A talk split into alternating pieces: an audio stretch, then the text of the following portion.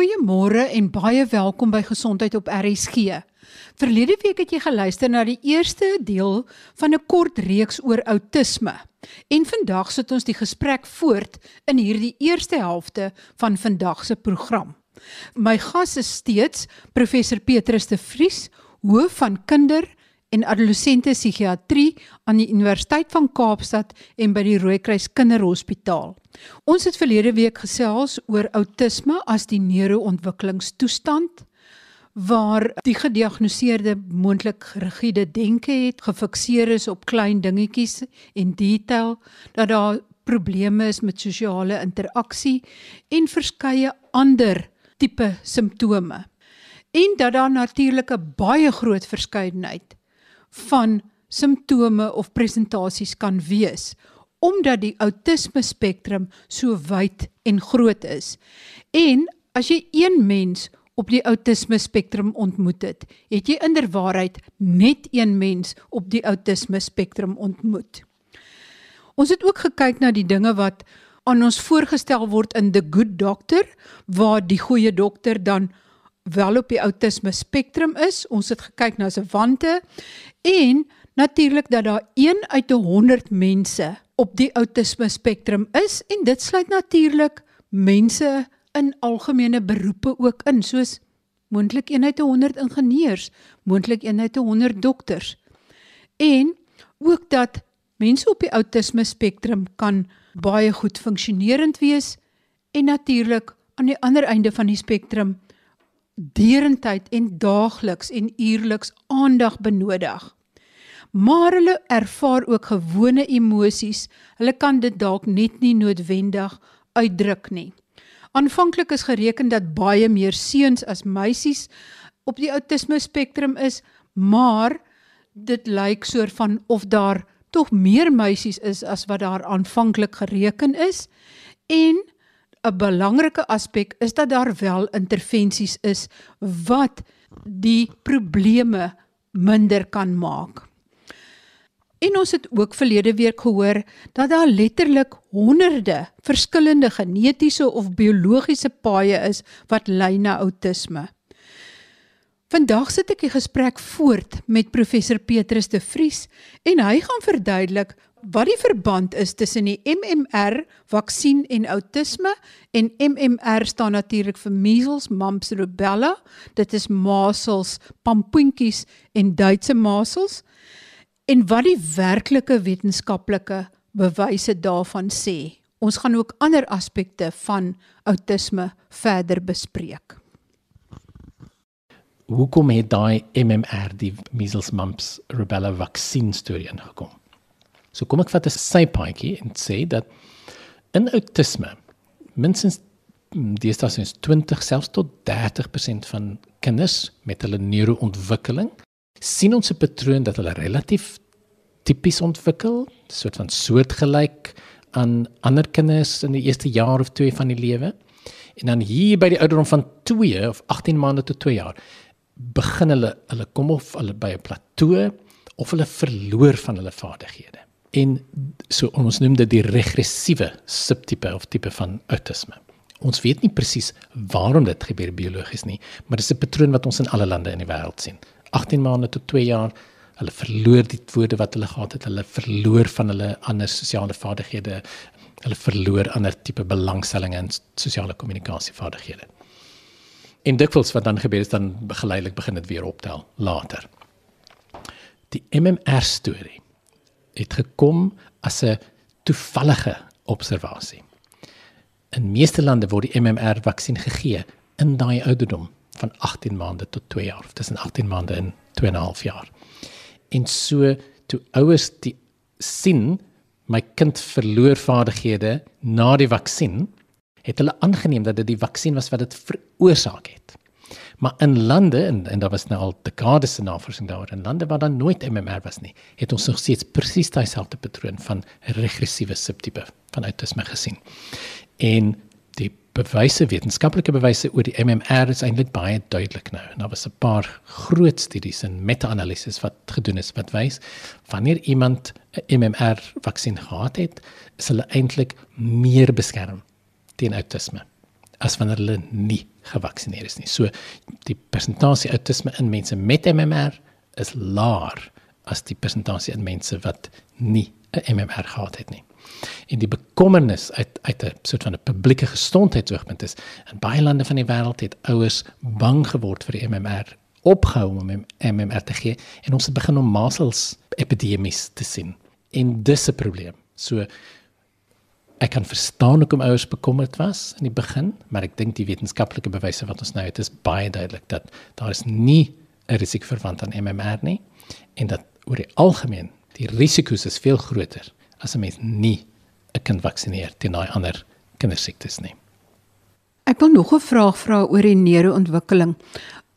As die kinders oorspronklik goeie breinontwikkeling gehad het en dit val dan terug, dan klink dit amper asof 'n volgende stadium van ontwikkeling nie aangeskakel word nie. Is my afleiding korrek of verkeerd? So vir die luisteraars wat nie weet nie, ek dink Marie het 'n genetiese agtergrond as ek reg onthou. En jou vraag Marie klink soos 'n genetiese vraag, want ons weet dat daar verskillende soort van amper as ons dink aan die golwe van die see, daar kom verskillende golwe van, van verskillende gene wat aangeskakel word vroeg in ontwikkel en dan as 'n volgende golf van ontwikkeling en 'n volgende golf van ontwikkeling. En so daar is hierdie wat genoem word vroeë ontwikkelingsgene wat aangeskakel word in die jong jong jong fetus in die jong ontwikkelende brein. En een van die teorieë is dat die vroeë gene is daar in daai kind wat nog tipies ontwikkel in die eerste jaar of so, maar dan gebeur daar iets wat die volgende golf van gene nie aanskakel nie. En dan is dit asof die as ons dink aan iemand is besig om 'n gebou te bou, daar's 'n bietjie van 'n fondasie, maar die volgende stuk van die ondersteuning word nie gebou nie en dan as daar nog iets die volgende groep gene en die volgende golf weer kom dan val dit plat of dis daar's net asof daar nie iets is om dit ferm op te bou nie. So dit is jy's heeltemal reg dit is een van die modelle vir waarom mense met autisme vroegvaardighede het en dan nie daarop bou nie. Dis ook 'n model hoekom mense met autisme dikwels jy weet eilande van vaardighede het maar nie ander vaardighede het nie. Dis half asof die die brein se boustelsel ongewoon is. Ek dink dit is belangrik dat luisteraars dit hoor as 'n as 'n prentjie eerder as 'n wetenskaplike feit, maar dit is al 'n manier om daaraan te dink dat as 'n mens se brein ongewoon ontwikkel in terme van die koneksies wat dit maak, die paaie wat dit maak ensovoorts, beteken dit dat die brein kan nog steeds baie vaardighede hê, baie interessante dinge doen, baie interessante dinge ervaar en kan kommunikeer, maar dit kan dalk op 'n ongewone manier wees. En op 'n manier wanneer ons praat van neurodiversiteit, is dit iets van daai gevoel. My brein is bietjie anders as jou brein. Dit beteken nie my brein is minder werd as jou brein nie. Hy's dalk net meer ongewoon as jou brein. En ek dink dis wat positief is van die neurodiversiteit beweging. Die negatiewe kante of die risiko's van die neurodiversiteit beweging is dat mense sê ons is neurodivers, derhalwe is dit nie helpvol vir ons om enige behandeling te kry om enige ondersteuning te kry nie. En ek dink as iemand baie vaardighede het, as iemand baie intelligent is, as iemand baie, jy weet, onafhanklik kan leef, respekteer en aanvaar ek dit. Maar soos wat ons vroeër gepraat het oor die spektrum, is dit belangrik om te onthou daar's nog 'n groot groep van mense met autisme wat elke dag elke oomblik van hulle lewe ondersteuning nodig het baie beperkings het, baie uitdagings het. En ek dink dit is belangrik dat die neurodiversiteit ook moet aanvaar dat hulle tog baie kan baat vind by behandeling, by ondersteuning ensovoorts. So ek dink dit is belangrik om mense met autisme te te vier, maar om tog bewus te wees soos wat ons vroeër oor gepraat het dat elke persoon met autisme is verskillend en ons moet derhalwe nie vergeet dat elke persoon met autisme derhalwe ander behoeftes, ander planne, ideale behandelingsopsies en ondersteuning dalk nodig het nie. Professor, as behandeling kan help, waar kan mense of ouers met kinders met outisme gaan aanklop vir hulp? En hoe weet hulle dat die hulp waar hulle aanklop werklik vir hulle kind kan help? Want ek is seker daar is dalk foefies of mense wat sê hulle kan help wat dit nie regtig die kind gaan help nie. Wat is jou raad? Ja, en Marie, ek en jy het al van tevore gepraat oor foffies, want kom ons begin sommer by die ernstige deel van die vraag en dit is daar is 'n groot aantal wat ons noem evidence-based, jy weet, intervensies, behandelings met goeie wetenskaplike bewyse. Maar daar is ook 'n klomp wat gevaarlike behandelings kan wees wat mense kan siek maak, wat baie geld kos sonder dat dit regtig iets doen en wat mense kan doodmaak selfs. En ons het al van tevore gepraat oor dinge soos chelasieterapie waar mense ingespuit word met bloedverdunners om sogenaamd die swaar metale te absorbeer, allerlei duur pille gegee te word wat sogenaamde weet neurobiologiese behandelings is sonder dat daar bewyse is, swemmedolfyne, allerlei snaakse terapieë. En daar's baie van hulle wat met ander woorde regtig waar skade veroorsaak of op 'n fisiese vlak of 'n ekonomiese vlak en of selfs net in die verwagtinge van mense wat dit skep en dan is word dit teleurgestel. Maar daar is 'n groot klomp behandelinge wat ons kan doen. Meeste van hulle, meeste van ons kennis is oor jong kinders. Die weet die voorskoolse ouderdom waar ons sê die hoofbehandeling is om sosiale kommunikasie vaardighede te bou deur verskillende tegnieke te gebruik. So ons kan 'n kind help leer om daai resiprositeit te doen, om hulle nie-verbale kommunikasie te verbeter, om hulle verhoudings te verbeter, om daai rigiditeite en daai sensoriese dinge almal te verbeter. So ons kan letterlik deur daai kernprobleme van outisme behandeling gee.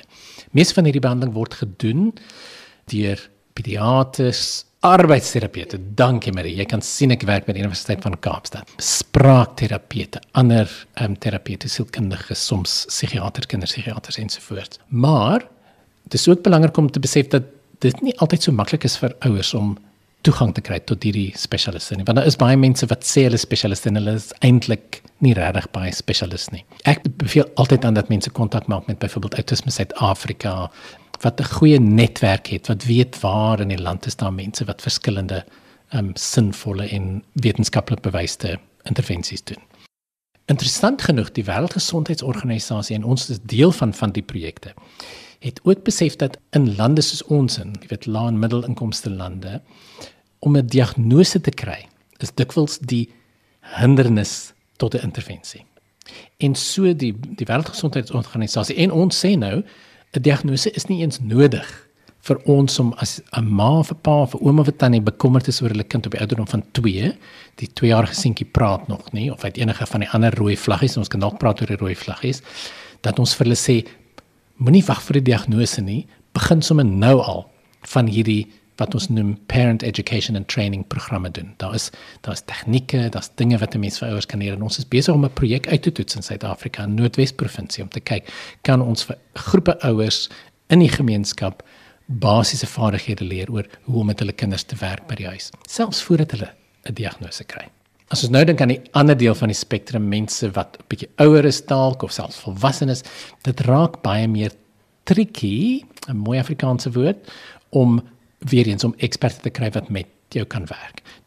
Die beste tyd om intervensie te doen is vroeg, maar dit is nooit te laat nie. Ons kan altyd iets doen en veral in volwassenes wat dalk spesifieke sosiale probleme het. Ons kan hulle help met, jy weet, sosiale vaardighede, opleiding wat spesifieke probleme het met hulle eie rigiditeit. Ons kan hulle help om daaraan te werk wat spesifieke probleme het met hulle sensoriese kwessies. Ons kan hulle help daarmee.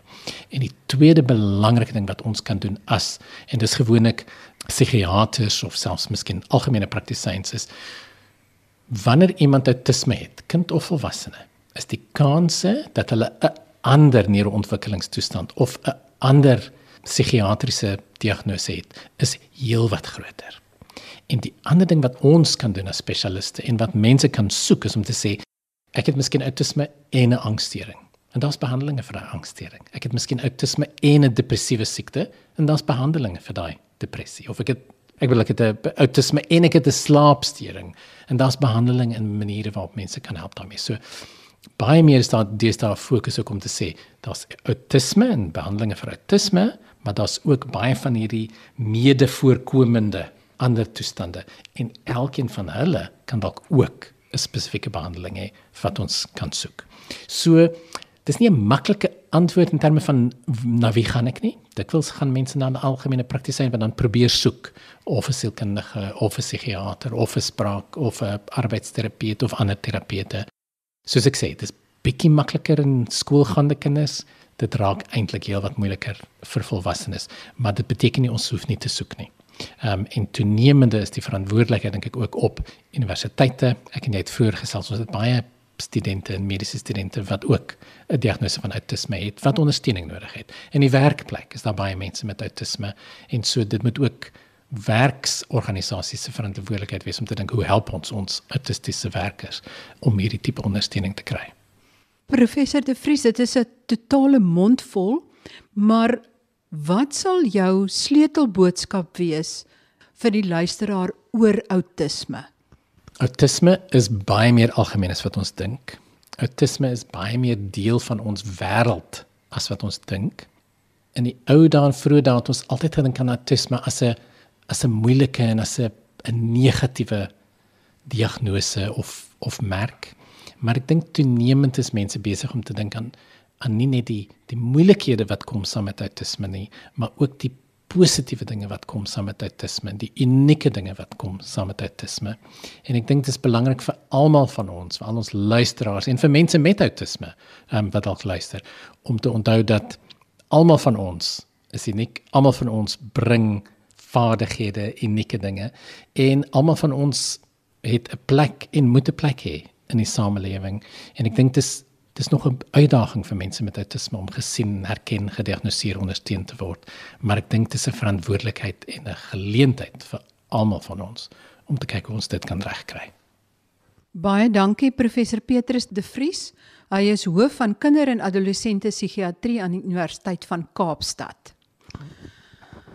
Ons gesels nou oor tipereuse sklerose. En as dit vir jou na 'n vreemde siekte en 'n vreemde naam klink, bly ingeskakel en vind uit wat is hierdie vreemde en moontlik baie seldsame siekte. Professor De Vries, kom ons spring sommer weg en sê wat is tipereuse sklerose? Dankie Marie. Tiberese sklerose, en die die amptelike naam is Tiberese sklerose kompleks en ons kort dit af baie keer so jy sal dalk hoor ek praat van TSC. Dis die afkorting vir Tiberese sklerose. Is 'n genetiese toestand. So dit is 'n genetiese afwyking wat dikwels voorkom obviously baie vroeg in die ontwikkeling van 'n van 'n fetus en dit word geassosieer met 'n groot verskeidenheid multisistemiese manifestasies in babatjies, in kinders, in tieners en in volwassenes. En ek kan miskien net so ietsie sê oor die genetika self. Ehm diabetes sklerose word veroorsaak deur abnormaliteit ons noem dit 'n mutasie. Jou luisteraars gaan al almal eksperte wees op mutasies want ons praat baie oor COVID mutasies. So 'n klein foutjie wat gebeur het in die in die DNA van een van twee gene. So gene is die verskillende plekke op ons kromosome wat boodskappe gee vir hoe dinge gebou word in ons lyf. So kromosoom 9 het een geen waar daar 'n foutjie kan gebeur. Um, en dit is op die die langarm van kromosoom 9 of kromosoom 16 op die kortarm van kromosoom 16 kan 'n mens 'n foutjie kry. En as jy van hierdie spesifieke abnormaliteite of mutasies op enige van daai twee kromosome sien, dan kan dit lei tot tuberose sklerose. So jou volgende vraag is hoe lyk dit? Wel, soos ek gesê, dis 'n multisistemiese toestand. En dikwels wat ons sien is dat amper enige orgaan in die liggaam kan beïnvloed wees. Dit sluit in die brein en die vel en die niere en die longe en amper mm, enige plek van ons van ons liggaam kan geaffekteer word. En dit kan met verskillende grade geaffekteer wees. So party mense is baie matig, baie lig geaffekteer deur die fisiese manifestasies en ander mense het baie erge en baie prominente van hierdie um, multisistemiese manifestasies van tuberose sklerose. As dit 'n mutasie is, met ander woorde 'n fout in jou gene of op jou kromosome, kan dit voorgeboorte opgespoor word? En as dit opgespoor kan word, kan mens iets daaraan doen? Weet sal dit moontlike abortus regverdig of is die fout nie so groot nie? En dan wil ek ook weet as dit kromosomaal is en dit is gene, wat word dan afgeskakel of nie aangeskakel nie? Dat dit lei tot hierdie klomp timore en probleme wat ontwikkel in al die sisteme en organe in die liggaam. Reg, so Die eerste ding om te sê is dat die manifestasies van tuberose sklerose kom gewoonlik ons ons noem dit soort van in Engels die Engelse frase is 'n age dependent expression. So op verskillende ouderdomstye kom daar verskillende tipiese manifestasies. So kom ons begin, miskien jy vra nou oor voorgeboorteliks by dit en dan kan ek miskien net voorbeelde gee van soos wat iemand ouer word, die tipiese manifestasies. En dit kan dalk vir luisteraars ook laat dink, o, jy weet, is daar dalk tekens of dinge waaraan ek kan dink in my kind of myself of my familielid ook. So in die voorgeboorte ouderdom en ons sal net nou praat oor die wat daai genetiese abnormaliteit te doen. In die voorgeboorte ouderdom die mees tipiese ding wat ons sien is dat wanneer mense sonar of 'n ultraklankstudie doen van die babatjie kan dokters dikwels sien of klein groeiseltjies timore in die hart van 'n babatjie of selfs in die brein van 'n babatjie. So deesdae internasionaal seker omtrent 10 tot 15% van kinders wat gebore word met tuberose sklerose word geïdentifiseer voordat hulle gebore word. Nou jou vraag is kan 'n mens 'n abortus doen? Wel, die voorkoms van tuberose sklerose het 'n geweldige groot variasie. So iemand kan gebore word met tuberose sklerose en baie geaffekteer wees. Of iemand kan gebore word met tuberose sklerose en vreeslik min geaffekteer wees. So dit maak 'n besluit, 'n antinatale besluit baie moeilik eintlik. En miskien soos wat ons later gesels kan dit duideliker word vir vir luisteraars. So, voorgeboorte, klein tumortjies in die hart of in die brein, na geboorte, die mees algemene manier hoe kinders gediagnoseer word is in die eerste jaar gewoonlik van die lewe kry hulle epilepsie. So groot klomp kinders en 'n spesifieke tipe epilepsie, ons noem dit infantiele spasmas of epileptiese spasmas. Ehm um, en die ou daad mense dit partykeer genoem salam spasmas want ehm um, kinders lyk like amper asof hulle koliek het, jy weet hulle trek so af saam en hulle lyfies trek so af saam. So dit lyk nie soos tipiese ehm um, epileptiese aanvalle dikwels nie. En dikwels is dit die eerste ding wat mammas en pappas oor bekommerd is. Hulle gaan na die hospitaal, die dokters doen 'n breinskandering en hulle sien dan hierdie groeisels in die brein of in die hart wat dan saam sê dat iemand waarskynlik tuberose sklerose het. So in die eerste jaar of twee van die lewe is daai die epilepsie gewoonlik die teken of die die waarskuwing van 'n moontlike tuberose sklerose. As ons dan kyk na die eerste, jy weet, voorskoolse jare, eerste 5 jaar, die volgende tipiese ding wat ons sien is wit vlekkies. Ons noem dit hypomelanotiese kolletjies wat mense kan op hulle vel en dit ontwikkel gewoonlik hier die eerste paar jaar van die lewe. So 'n paar wit kolletjies op die arms of op die bene, gewoonlik meer as iemand in die son is. Gelukkig in ons land het ons baie son, so mense kan dit dikwels optel as 'n wit kolletjies of partykeer vlekkies agter op die rug wat so af rof lyk. En ook wat ons begin sien is dat ehm um, kinders begin wat ons noem um, gesigsangiomiofibroom. Lyk amper bietjie soos akne op hulle neus en op hulle kin wat begin verskyn. Dit word so 'n bietjie rooier, dit word so 'n bietjie harder en so dit kan, jy weet in hierdie eerste paar jare 'n teken wees van van tuberose sklerose. Dit wels indirek sien ons ook kinders en ek sal graag daaroor wil gesels ook 'n groot persentasie van kinders met tuberose sklerose het ook intellektuele ontwikkelingsprobleme. So dikwels vat 'n ouer kind na die kliniek want hulle ontwikkeling is nie gewoon nie en veral as hy ook epilepsie is dan daai kombinasie kan dalk vir mense hulle dink miskien moet ons dink aan tuberose sklerose. En dieselfde met autisme spektrum toestande en epilepsie. As ons daai twee saam sien, moet ons dadelik dink is dit is tuberose sklerose dalk die oorsaak van die autisme en die intellektuele probleme in die kind.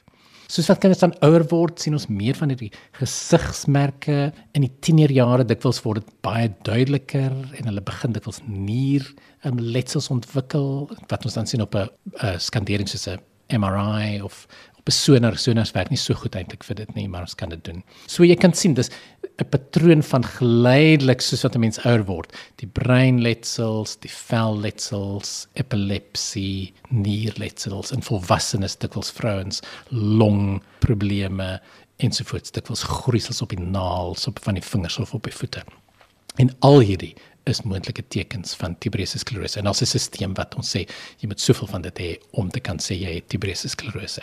Deesdae, nou dat ons ook kan 'n genetiese diagnose maak, soos wat jy gepraat het, ons kan bloedtoetse doen en sê ons het hierdie mutasie gekry of op jou ehm um, kromosoom 9 of op jou kromosoom 16. Volgende ingewikkelde vraag, maar hier was oor wat presies word aangesit en afgesit. Nou goed, kom, hier's 'n uitdaging vir my en vir jou en vir al ons luisteraars. So kom ons dink hoe ons daai ene gaan antwoord. As ons ons voorstel, miskien as die luisteraars sommer so in hulle koppe 'n sirkeltjie trek en vir jouself sê, hierdie sirkeltjie sê vir my ek is nou binne in die sel van my lyf. Elke sel van ons lyf het verskillende proteïene wat verskillende werke doen. En hulle praat met mekaar op verskillende maniere. So een proteïen aktiveer 'n ander proteïen en 'n ander proteïen inhibeer, stop weer die funksie van 'n ander proteïen. En ek sê dit want dis die basiese beginsels van hoe tuberose sklerose se intrasellulêre funksionering werk. Ek het genoem daai twee gene, kromosoom 9 is dit sin word genoem TSC1 en die een op kromosoom 16 word genoem TSC2. TSC1 as jy as jy luisteraars hulle verbeel TSC1 is 'n soort van proteïene wat vorm in die binne die sel. TSC2 vorm proteïene. En daai twee proteïene maak 'n hulle maak soos 'n kompleks binne in elke sel. So daar's 'n TSC1-2 kompleks. En een van hulle vriende met wie hulle gesels binne die sel is 'n baie belangrike proteïen met die naam mTOR. En ek kan dit vir spel. M T O R. En mTOR staan vir die mammalian of die mechanistic mechanistiese teken van rapamycin. Nou dis 'n mondvol vir ons luisteraars, maar al wat jy hoef te onthou is mTOR is 'n proteïen binne in elke sel van ons lyf en mTOR reguleer seldifferensiasie en selgroei en proteïensintese. En TSC1 en 2, daai kompleks van TSC is soos 'n rem op mTOR. So daai twee proteïene maak seker dat ons selle nie te veel proteïene maak nie, dat hulle nie te veel groei nie, dat hulle nie te groot word nie. En met ander woorde, as ek of jy 'n mutasie het of 'n TC1 of 'n TC2, dan verloor ons daai briek. En dan is daar ooraktivering van mTOR. So wat dit dan beteken is daai proteïen kan nou go crazy en groei groei groei en ander selle laat groei groei groei en groter word en meer word sonder om die briek te hê, die rem te hê van TC1 en 2. So ons sê dat tuberose sklerose is 'n mTOR ooraktiveringssindroom. En dit verklaar van so kom daar in die brein tumore groei, en kom daar in die vel tumore groei, en kom daar in die longe goeders kan gebeur, en kom daar in die niere dinge kan gebeur. Want dis hierdie oor ongereguleerde, ongekontroleerde groei wat kan plaasvind in verskillende organe. So ek hoop daai prentjie van my met die sirkeltjie van allerlei proteïene wat met mekaar praat in die sel help. Maar die volgende baie interessante deel was die tweede deel van jou vraag. Kan ons iets daarin doen?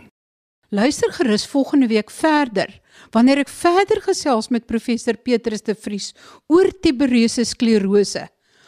Want jy het nou gehoor hoe dinge binne in die liggaam se selle verkeerd loop hoe daar nie brieke is vir dinge wat eintlik gerem moet word nie. En nou is die vraag, is daar dalk 'n middel wat hierdie brieke weer kan aansit? Luister volgende week. Dis 'n verrassende antwoord. Groete van my, Marie Hudson.